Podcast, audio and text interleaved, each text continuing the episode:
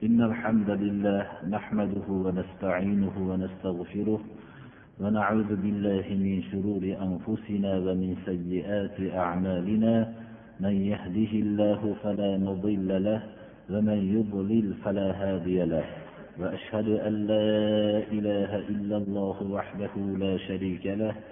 وأشهد أن محمدا عبده ورسوله.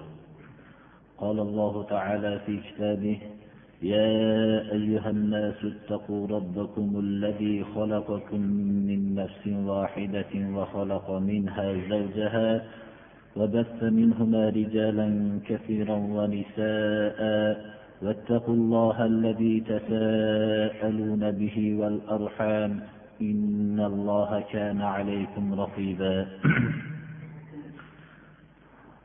يا أيها الذين آمنوا اتقوا الله وقولوا قولا سديدا يصلح لكم أعمالكم ويغفر لكم ذنوبكم ومن يطع الله ورسوله فقد فاز فوزا عظيما. أما بعد السلام عليكم ورحمة الله وبركاته.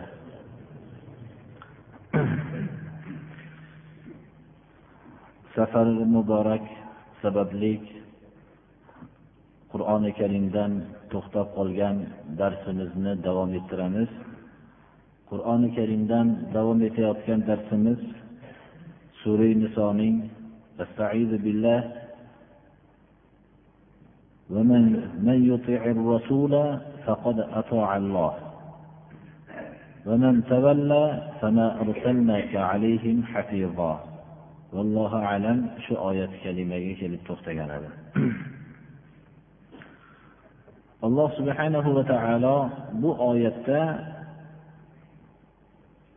rasul sollallohu alayhi vasallamga bo'lgan itoatni alloh subhanahu va taologa bo'lgan itoatning ayni o'zi ekanligiga buyuryapti.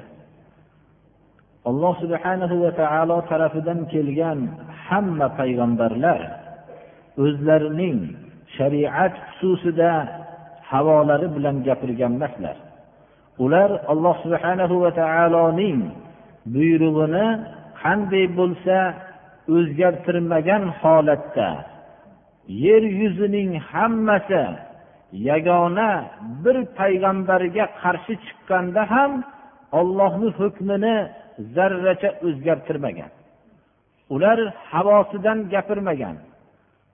Birov g'azablantiruvchi so'zlar sababli g'azablanib ollohni hukmini o'zgartirib qo'yishmaganlar. Yoyinki dunyoni qiziqtiruvchi narsalari sababli biror bir hukmni o'zgartirmaganlar. Shuning uchun ham ular alloh subhanahu va taolo tarafidan bo'lgan hukmda eng omonatli kishilardir. Bularning buyrug'iga itoat qilishlik shariat xususidagi ollohga itoat qilishlikdir. Qur'oni karim mana bu narsani bayon qilib kim payg'ambarga itoat qilsa allohga itoat qilganligida shak shubha yo'qdir.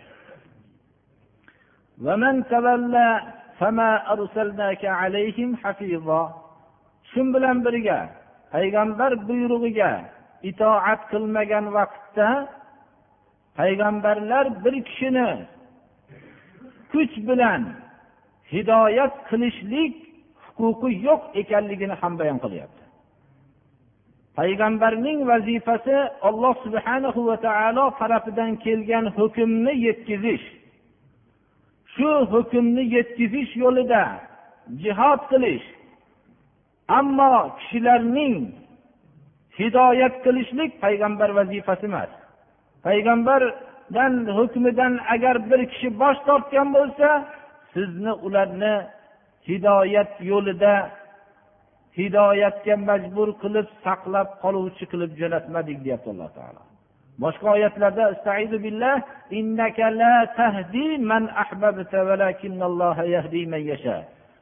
siz yaxshi ko'rgan kishingizni hidoyat qila olmaysiz. Olloh o'zi xohlagan kishini hidoyat qiladi. Ya'ni hidoyat olloh tarafidan ko'p darslarimizda takror qilganmiz yalinib beriladigan narsa emas. Banda hidoyatga tashnalik qalbida paydo bo'lsa olloh shularni hidoyat qilishlikni xohlagan. Hidoyatni xohlamagan qalblarni ularga yalinib hidoyatni berishlikni xohlamagan. Hidoyat bu xohlasa ham xohlamasa ham beriladigan arzon narsa emas. Olloh o'zini xohlagan bandasini hidoyat qiladi. Ya'ni hidoyatga qalb bilan tashna bo'lgan kishilarni hidoyat qiladi. Rasululloh sollallohu alayhi vasallam kishilarning hidoyatiga haris edilar. Har bir ollohni yo'liga da'vat qiluvchi kishi ham haris bo'ladi kishilarning haq yo'lda bo'lishligiga. Ammo ularning hidoyat qilishlik inson ixtiyoriga berilgan emas. Hatto payg'ambar ham hech bir kishini ya'ni xohlagan kishini hidoyat qila olmaydi.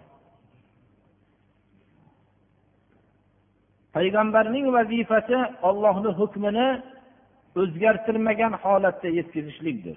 Shuning uchun har bir da'vat qiluvchi kishi ham odamlarning to'g'ri yo'lga tushib qolishligiga haris bo'lishligiga bir sababi bilan kishilarniga olloh tarafidan bo'lgan hukmlarni o'zgartirib gapirishlikka o'tmasligi kerakdir ollohni hukmini o'zgartirmagan holatda yetkazishlik kerak.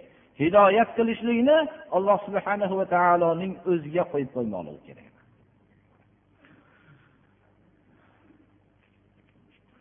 Agar hidoyat qilish har bir kishining qo'lida bo'lganda har kim o'zining yaxshi ko'rgan kishilarini to'g'ri yo'lga solib olgan bo'lardi. Agar bu kalimani voqega olinsa kishi o'zini yaxshi ko'rgan o'zining qarindoshlarini haq yo'lga solib olgan bo'lardi. Shuning uchun ham alloh subhanahu va taolo tarafidan bo'lgan hukmni yetkazishlik o'zgartirmagan holatda har bir ollohni yo'liga da'vat qiluvchi kishining vazifasidir. Bundan qolgan ishlar uning vazifasiga kirmaydi. Rasululloh sollallohu alayhi vasallamning huzurida madina munavvaraga kelganlaridan keyin bu kishining haq yo'llari g'alaba qilgandan keyin munofiqlar toifasi vujudga keldi. Munofiqlar islomning shavkati bo'lgandan keyin vujudga kelishdi. Makka mukarramada munofiq yo'q edi. Chunki makka mukarramada islom zaif edi. Musulmonlar zaif edilar ularga dushmanlik qiladigan odam oshkor dushmanlik qilaverardi. Madina munavvaraga kelganlaridan keyin islomga o'ziga xos bir quvvat paydo bo'ldi. Bunga oshkor dushmanlik qilishlikka ba'zi qalbida maraz bo'lgan kishilarning quvvati yo'q bo'lib ular maxfiy suratda hujum qilisha boshladi. Ana bu munofiqlar rasululloh sollallohu alayhi vasallamning huzuriga kelishganda ular bizni vujudimiz hamma ishimiz sizga itoat deb aytishardi. Ammo rasululloh sollallohu alayhi vasallamning huzurlaridan ketishganlaridan keyin ular munofiqligini qilishardi mana bu holatni qur'oni karim bayon qilib فإذا برزوا من عندك بيت طائفة منهم غير الذي تقول والله يكتب ما يبيتون فأعرض عنهم وتوكل على الله وكفى بالله وكيلا ular aytishadiki toa ishimiz itoat sizga tamomiy itoat qilishlik deyishadi. Sizni huzuringizdan chiqqan vaqtlarda oldingizdan ketishganlardan keyin ularning bir toifasi aytgan so'zidan boshqa narsalarni ya'ni tartiblaydi. Kechasida ular aytgan so'zining aksiga muvofiq ish qilishadi. Uning aksi haqida maslahatlar qilishadi. Alloh subhanahu va taolo ular kech vaqtida o'zlarining qilayotgan maslahatlarini yozib turadi. Bu kalima bilan rasululloh sollallohu alayhi vasallamni xotirjam qilyapti. Siz ularning kechasidagi sizning zararingizga ashoblar zarariga islomning zarariga qilayotgan maslahatlaridan qo'rqmang. Ular bilan mashg'ul bo'lishlikdan yuz o'giring. Rasululloh sollallohu alayhi vasallamning olib kelgan yo'llari munofiqlarning ya'ni kishilarning zohirlarini qabul qilib qalblarni alloh subhanahu va taologa topshirish edi. Ular tillari bilan iymon keltirdik desa ularning iymon keltirgan kishilar foydalanadigan narsalar bilan foydalantirishlik edi. Lekin shu bilan birga u kishi nihoyatda hushyor edilar. Islom tarixida biror bir munofiqni madinaga hokim qilib ketmaganlar. Ularni yaxshi taniganlar. Lekin zohirlari bilan kifoyalanib ularning maxfiy qilgan ishlariga zarar ular jazo bermasdilar. Ularga mashg'ul bo'lishlikdan yuz o'giring va tavakkal alalloh allohga tavakkul qiling va alloh sizga yordamchi bo'lishlikka kifoya qiladi. Ba'zi vaqtlarda ham munofiq bo'lgan kishilarning haqida xabarlarni ba'zi musulmon birodarlar yetkazib qolgan vaqtda ham ularning ba'zi nayranglarini bilamiz birodarlar. Lekin alloh subhana va taoloning rasuliga bergan ta'limi ulardan yuz o'giring o'zingizni ishingiz bilan mashg'ul bo'ling deyapti. Ollohga tavakkul qiling olloh yordamchilikka kifoya qiladi. Rasululloh sollallohu alayhi vasallam islomni tushuntirish islom da'vatini oldiga surish islom jihodini oldiga surishlik bilan mashg'ul bo'ldilar. Munofiqlar kun sayin o'zi sinib boraverdi. Olloh yordamchilikka kifoya qildi. Olloh qiyomatgacha yordamchilikka kifoya qiladi.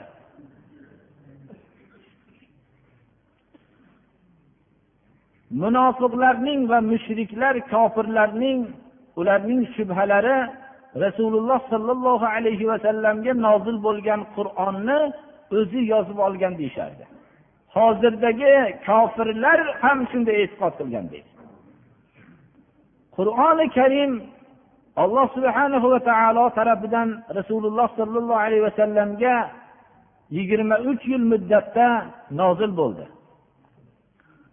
Voqedagi hamma voqealarni hal qiluvchi oyatlar nozil bo'ldi. Qiyomatgacha bo'lgan islom millatiga bu dustur bo'ldi. Qur'oni karimning hech bir madrasada o'qimagan xat yozishni bilmagan zot tarafidan tilovat qilinishligi o'zi katta bir mo'jiza edi. Rasululloh sollallohu alayhi vasallamning xalqlarga qur'oni karimdek mukammal hamma tarafdan komil bo'lgan oyatlarning tilovat qilinishligi o'zi mo'jizalikka kifoya qilardi. Rasululloh sollallohu alayhi vasallam yoshliklaridan quraysh qabilasining ichida oshkor holatda o'sgan edilar. U kishi yetim qolgan edilar. Biror bir madrasada o'qimagan edilar. Biror bir harfni umrlarining oxirigacha tanimadilar. Qur'oni karim u kishini sifatlarini yod qilinganda ummiy deb yod qildi. Ya'ni xat yozishni bilmaydi deb. Xat yozishni bilmaslik yer yuzidagi hamma insonga nuqson bo'lsa rasululloh sollallohu alayhi vasallamga mo'jiza bo'ldi. Olloh u kishining xat yozishlikni bilmasligini iroda qildi. Hujjatni quvvatli qilishlik uchun xat yozishni bilmagan kishidan qur'oni karimning tilovat qilinishligi kishilarning iymonlariga iymon keltirishlariga yana ham yo'lni yaqinlashtirishligi kerak edi. Shunchalik hujjat quvvatli bo'lishligiga qaramasdan yer yuzining hamma fasih olimlari hayot nizomlarini tuzgan kishilar hammalari qur'oni karimning tuzgan hayot yo'lini bilan ajablanib kelmoqda hozirgacha. Mana bu qur'oni karimni hatto shu vaqtdagi kofirlar ham qiyomatgacha bo'layotgan kofirlar inkor qilganlaridek inkor qilishardi. Rasululloh sollallohu alayhi vasallamning o'zi yozib olgan deyishardi. Alloh subhana va taolo mana bu holatni bayon qilib qur'onni tadabbur qilib tafakkur qilishmaydimi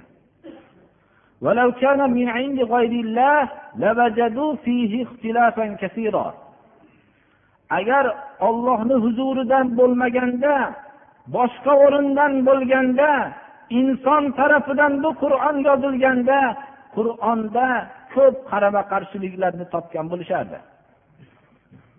Bir ming to'rt yuz yildan beri qur'oni karimning bitta harfi o'zgarmasdan saqlanib kelyapti. Qur'onni yo'qotishlikka son sanoqsiz dushmanlar bo'lishligiga qaramasdan. Xususan bu diyorlarda qur'onni yoqib qur'onni suvlarga tashlatib hatto o'lim xavfidan qo'rqib qur'onni qabrlariga ko'mgan ming ming voqealar bo'lishligiga qaramasdan qur'oni karim hozirgacha har bir xonadonda saqlanib kelyapti. Mana bu qur'onning butun dunyo hamma o'rganib bu qur'ondan biror bir xatoni topgani yo'q haligacha. Topolmaydi ham qiyomatgacha. Dunyodagi tuzilgan qonunlarning hammasi haftada o'zgaryapti. Bu qonunlarni tuzgan odamlar tarixda la'natlanib qolyapti. Ammo qur'oni karimning tuzgan qonuni biror bir qonun o'zgarmasdan kelyapti. Qur'onni tadabbur qilishmaydilarmi? Lekin qur'on bir katta bir okeanuski bundan har bir kishi o'zining idishiga yarasha sug'oriladi. Qur'oni karimni adabiy tarafini hisobga olganda qur'oni karimning ilmiy taraflarini olganda qur'oni karimning hayot yo'lini tuzganligi taraflarini olganda qur'oni karimning bir biriga bog'langan lafzlari so'zlarini hisobga olib har bir sohadagi kishi qur'onning kalimotlaridan ajablanib kelmoqda. Lekin alloh subhana va taolo tarafidan ekanligini bilganda insondan taajjub ketadi. Chunki butun olamni ajoyib qilib ajablanadigan qilib yaratgan zot shu qur'onni tushirgandir. Shu qur'onni tadabbur qilishmaydimi? Agar olloh tarafidan bo'lmaganda ko'p qarama qarshiliklarni topishgan bo'lardi. Mana bu rasululloh sollallohu alayhi vasallamga nozil bo'lganligi mana bir bu kishining ummiy bo'lishliklari bilan qur'onning bu kishidan tilovat qilinishligi undan tashqari xat yozishlik shoir bo'lmagan millatda qalblarda saqlanib qolib qur'oni karimni hammasida biror bir harfiga putur yetmagan holatda qiyomatgacha saqlanib qolishligi bu mo'jizalikka o'zi kifoya qiladi. Hali boshqa mo'jizalar dan tashqari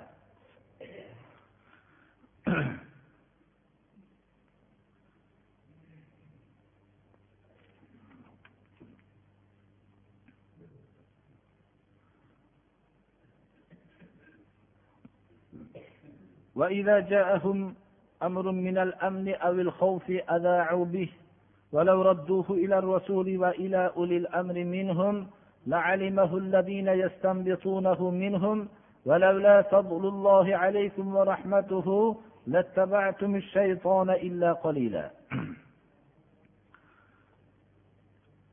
mana bu ham qur'oni karimning qisqa bir oyatda musulmon jamoadagi ya'ni xususan musulmon lashkarlaridagi kuchli bir nizomni qisqa bir oyatda balki bir oyatning ba'zisida bir qismida to'la oyat ham emas balki uning ozroq qismida shu nizomni bayon qilishligi ham qur'oni karimning mo'jizalaridan bittasidir. Musulmon jamoa ichida har xil kishilar kirib olishligi tabiiydir. Bular musulmon jamoaning quvvatlik bir birlik bilan turgan holatini ko'ra olmaydigan kishilar bo'lishligi tabiiydir. Shuning uchun musulmon jamoa qattiq bir tashvishga ro'baro bo'lib hozirlik ko'rib turgan vaqtda ularning hushyor turishliklarini ko'ra olmaydigan kishilar ularning o'rtalarida hamma yoq xotirjamlik bunday turishinglarga hojat yo'q deb xotirjam qilib dushmanga yem qilib berishligi ham mumkin. Ba'zi holatlarki musulmon jamoa juda xotirjam bo'lib turgan vaqtda ularning o'rtasida bir tashvishni tug'dirib shu tashvish bilan ularni parokanda bo'lishliklariga sabab bo'lishligi ham mumkin.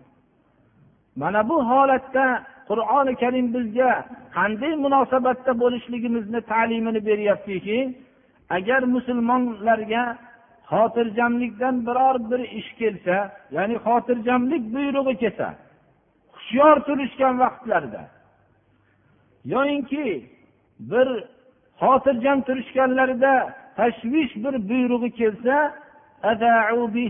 ba'zi kishilar buni shoya qilishadi.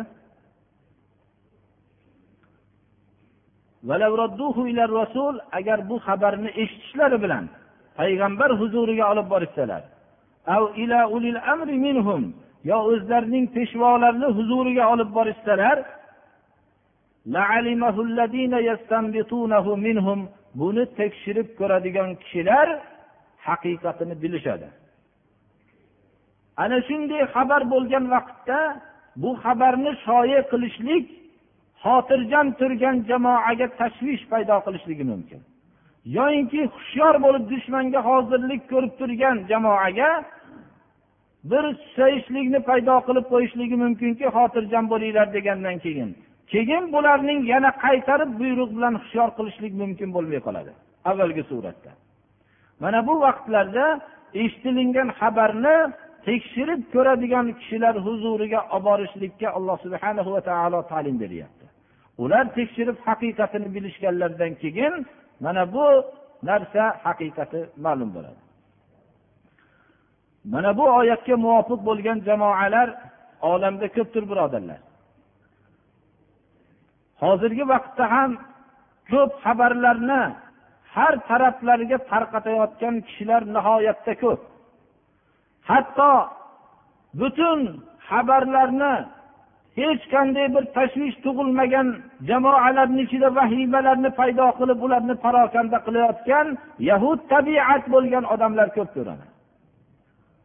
Biror bir narsaga hushyorlik hozirlik ko'rib turgan vaqtda xotirjam bo'lishlikni ularga aytib nihoyatda hech gap yo'q deb ularni susaytirib qo'yishlikka sabab bo'layotgan maraz jamoalar ham yo'q emas birodarlar.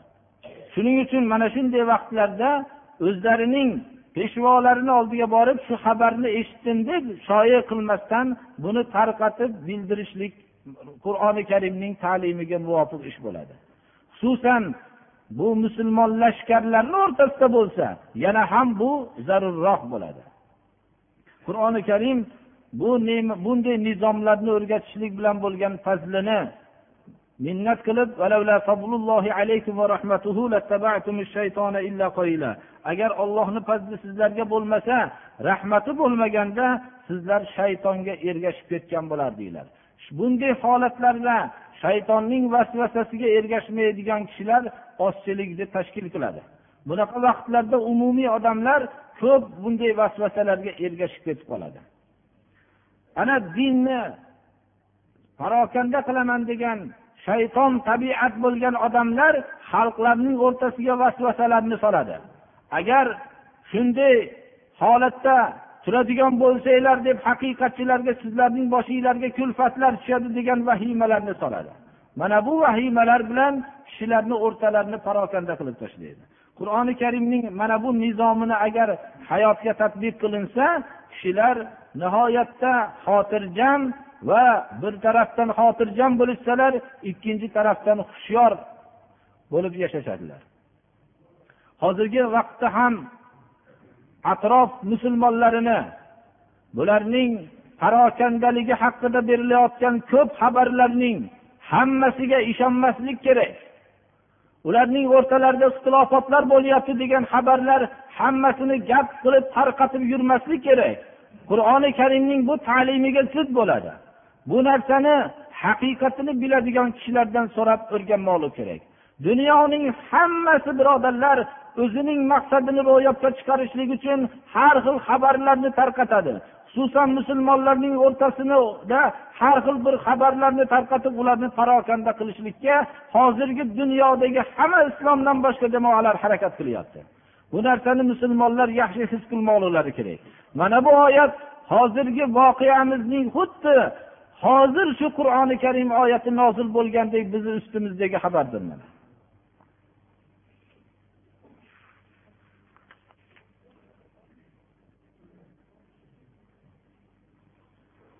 Mana bunday holatlarda musulmon jamoa peshvosining oldidan tarqalib ketib qolishligi mumkin.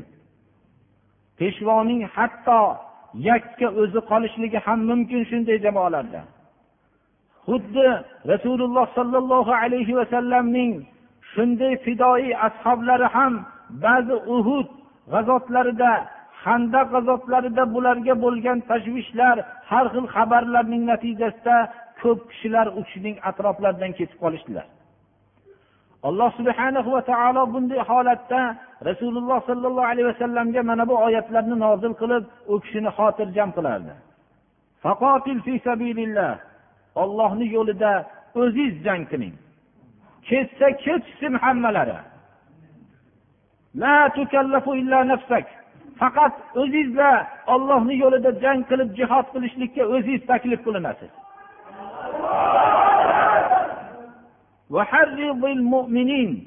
Sizni vazifangiz odamlarni majbur qilib ollohni yo'lidagi haqiqat jihodiga chaqirishlik xolos targ'ib qilish. Ularni targ'ib qiling xolos. Ularni majbur qilib yetalashmas. Sizni olloh yo'lida o'ziz jang qiling. Faqat siz o'ziz taklif qilinasiz. Ollohni iymon keltirgan kishilarni targ'ib qiling olloh yo'lida jang qilishlikka jihodga. Mana bu oyat rasululloh sollallohu alayhi vasallamning qanchalik qiyinchiliklarni kechirganligini bildiradi birodarlar. Inson hayotda haqiqiy bir olloh yo'lida jang qilayotgan olloh yo'lida kurashayotgan haqiqat yo'lida kurashayotgan kishining yer yuzida tanho qolishligi ham mumkin birodarlar. Mana bu vaqtda rasululloh sollallohu alayhi vasallamga nozil bo'lgan bu oyatni bir tadabbur qilmoqligi kerak. Ana bu vaqtda xalqlar uchun bu xalqlar bunday kishilar emaski xalqlar uchun yaxshilikni butun vujudingiz bilan xohlasangiz xalqlar sizni uradigan holat bo'ladi birodarlar. Shu xalqlar uchun agar bir odam ollohni yo'lida kurashsa bu xalqlar hammasi bilmagan vaqtda uning qalbidagi ozuqa tugab qoladi. Lekin olloh yo'lida agar bir o'zi kurashsa olloh tarafidan kelayotgan madad tugamaydi birodarlar. Shuning uchun har bir kishi tarixda mana millat yo'lida kurashayotgan kishilar bo'ldi. U millat yo'lida kurashayotganlarni millat tanishlikdan uzoq birodarlar millat tanimaydi. Shuning uchun ular men bular uchun shunchalik yaxshilik qilsam meni tanishmayapti deb o'zining kurashidan qaytadi. Millatchilik harakatlari hammasi johiliy harakatlar. Agar bir har bir narsada o'zingizni sharafli bo'lishligingiz uchun agar kurashsangiz u sharafli bo'lishlik hammaga kurashda nasib bo'lmaydi birodarlar. Sharafli bo'lmay o'zining obro'si ketayotganligini ko'rgandan keyin bu kurashlar ham to'xtab qoladi. Ammo olloh yo'lida bir odam kurashsa u yer yuzida yakka qolgan holatda ham yer yuzining hammasi atrofida to'planib turgandek his qilaveradi.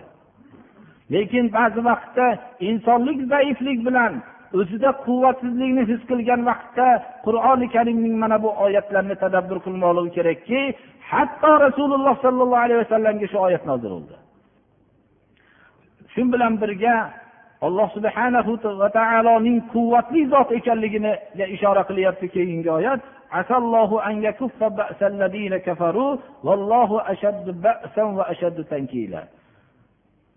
Mumkin olloh kofirlarning zarbasini qaytarar. Olloh zarbasi qattiq bo'lgan va qisos olishligi qattiq bo'lgan zotdir. Siz mo'minlarni targ'ib qiling xolos o'ziz olloh yo'lida kurashing degan oyat nozil bo'ldi. Mana bu oyatdan biz bilamizki rasululloh sollallohu alayhi vasallam qanchalik bir qiyinchiliklarni ko'targanliklarini. Shu munosabat bilan men shuni aytib o'tmoqchimanki rasululloh sollallohu alayhi vasallam og'ir kunlarni ko'rgan badr g'azoti bo'lgan joyga shu safarda borilgan bo'ldi. Badr g'azoti bo'lgan joyda rasululloh sollallohu alayhi vasallamga tepalikka bir arish ya'ni bir kapa tikildi ashoblar aytdilarki agar biz shahid bo'lib ketsak siz qolishingiz kerak deyishdilar. Shuning uchun bir chetga balandlikka bir arish ya'ni bir kapa tikildi shu chodirda o'tirdilar. Kechasi bilan uxlamadilar. Shu chodirda duo qildilar. Shu chodirlari tikilgan o'rinda hozir masjidul arish bor ekan. Alloh subhana va taolo shu yerda bir namoz o'qishlikni nasib qildi. Masjidul arish ya'ni chodir masjidi deb ataladi. Shu masjidda kechqurun bilan alloh subhana va taologa yig'ladilar. Yig'lab shunday duolarning oxirida aytdilarki allohimma in tahlik hadhihi al-isaba lan ta'bada dedilar. Abu bakr roziyallohu anhu yanlar dedi hasbuka dedilar bas olloh ijobat qiladi duoing dedilar. Aytdilarki yer yuzida hamma musulmon shu oldilarida turgan uch yuz kishidan ko'ra ko'proq jamoa edi. Boshqa ollohni yakkaligiga ollohni yakka deb biladigan biror boshqa jamoa yo'q edi bu yerdan boshqa. Aytdilarki shu jamoa agar halok bo'lib ketsa senga endi qaytib ibodat yer yuzida yo'qoladi rabbim deb sig'indilar. Ana alloh subhana va taologa shu yolborgan chodirlarida duolari ijobat bo'ldi. Quvvatda ham sonda ham nechi barobar ko'p bo'lgan mushriklar jamoasi shu yerda birinchi marta islom tarixida mag'lubiyatga uchradi. Mana bu narsa alloh subhana va taoloni rasululloh sollallohu alayhi vasallamga o'zingiz jang qiling degan oyatni va agar sizni atrofingizdan ketib qolsa shu g'oyangizda qoling deganda va shu bilan birga ollohning zarbasi qattiq zot ekanligini mana bu voqeda ko'ringan bo'ldi birodarlar. Shuning uchun ham har bir kishi ollohni yo'lida kurashayotgan kishi o'zining g'oyasida sodiq qolmoqligi kerak. Qo'rqitadigan narsalar bilan qo'rqib yo qiziqtiradigan narsalar bilan qiziqib aldanib qolmasligi kerak. Alloh subhanahu va taolo hammamizni ham alloh rasuliga itoat qiladigan kishilardan qilsin. Va allohni yo'lida tolmasdan kurashadigan kishilardan qilsin. Faqat ollohni yo'lidagina kurashadigan kishilardan qilsin. alloh subhana va taolo boshqa bir har xil jamoalarning aldoviga aldanmaydiganlardan qilsin alloh subhana va taolo islomga quvvat bersin musulmonlarning hammasini qalblarini ollohni yo'lida kurashadigan qalb bo'lishligini alloh subhana va taolo hammalariga nasib qilsin اهدنا الصراط المستقيم صراط الذين أنعمت عليهم غير المغضوب عليهم ولا الضالين duo qilaylik alloh subhanahu va taolo. Shu musulmonlarning shu maqsadlarimizni ro'yobga chiqishligida olloh o'zi madad bersin. Alloh subhanahu va taolo bizni jomiyada ham ba'zi bir kishilarimizni islomiy bir maqsadlari bor shu maqsadlarni alloh taolo ro'yobga chiqarsin. Shar'iy maqsadlarni ro'yobga chiqishligini alloh o'zi madad bersin. Bunga qarshi bo'layotgan kishilarga alloh o'zi kifoya qilsin. Alloh subhanahu va taolo doim o'zini madadini uzmasin. Bu oyatda o'zidan qo'rqishlikka buyuryapti. Iymon keltirgan kishilarni chaqirib ey iymon keltirgan kishilar ollohdan qo'rqinglar. Va ollohdan qo'rqishlikni belgisi bu to'g'ri so'zni to'g'ri so'zni so'zlash ekanligiga ishora qilyapti. To'g'ri so'zni so'zlanglar ya'ni har bir narsani haq nohaq bo'lgan o'rinda muhosama munozara bo'lgan vaqtda shu haqni gapirishlikni odat qilmoqligi kerak. Bu insonning mo'min kishining ollohdan qo'rqishligini belgisidir. Agar insonda taqvo sifati topilsa va shu taqvoning alomati bo'lgan har bir o'rinda hech qanday malomatchining malomatidan qo'rqmagan holatda haq so'zni so'zlasa alloh subhanahu va taolo uning amallarini o'nglab qo'yadi. Mana bu amallari o'nglagandan keyin insonning gunohlarini mag'firat qiladi. Bu alloh subhanahu va taologa va rasuliga bo'lgan itoatning belgisidir. Ollohdan qo'rqish va ollohni yo'lida haq so'zni so'zlashlik allohga va alloh rasuliga itoat qilishlikni hayotdagi belgisi bo'lsa qiyomatda dunyoda ham oxiratda ham katta bir najot topishligini alloh subhanahu va taolo muqarrar ekanligini bayon qilyapti يا رب المستضعفين نجي المستضعفين في العالم ربنا لا تجعلنا فتنة للقوم الظالمين ونجنا برحمتك من القوم الكافرين ربنا اغفر لنا ذنوبنا وإسرافنا في أمرنا وثبت أقدامنا وانصرنا على القوم الكافرين. اللهم أعز الإسلام والمسلمين وأذل الشرك والمشركين ودمر أعداء الدين. اللهم إنا نجعلك في نحورهم ونعوذ بك من شرورهم. اللهم إنا نجعلك في نحورهم ونعوذ بك من شرورهم. اللهم إنا نجعلك في نحورهم ونعوذ بك من شرورهم وصلى الله تعالى على خير خلقه محمد وآله وأصحابه أجمعين الله أكبر اللهم ربنا ولإخواننا الذين سبقونا بالإيمان ولا تجعل في قلوبنا غلا للذين آمنوا ربنا إنك رؤوف رحيم اللهم ارحمنا بالقرآن العظيم واجعله لنا ولا علينا حجة يا رب العالمين.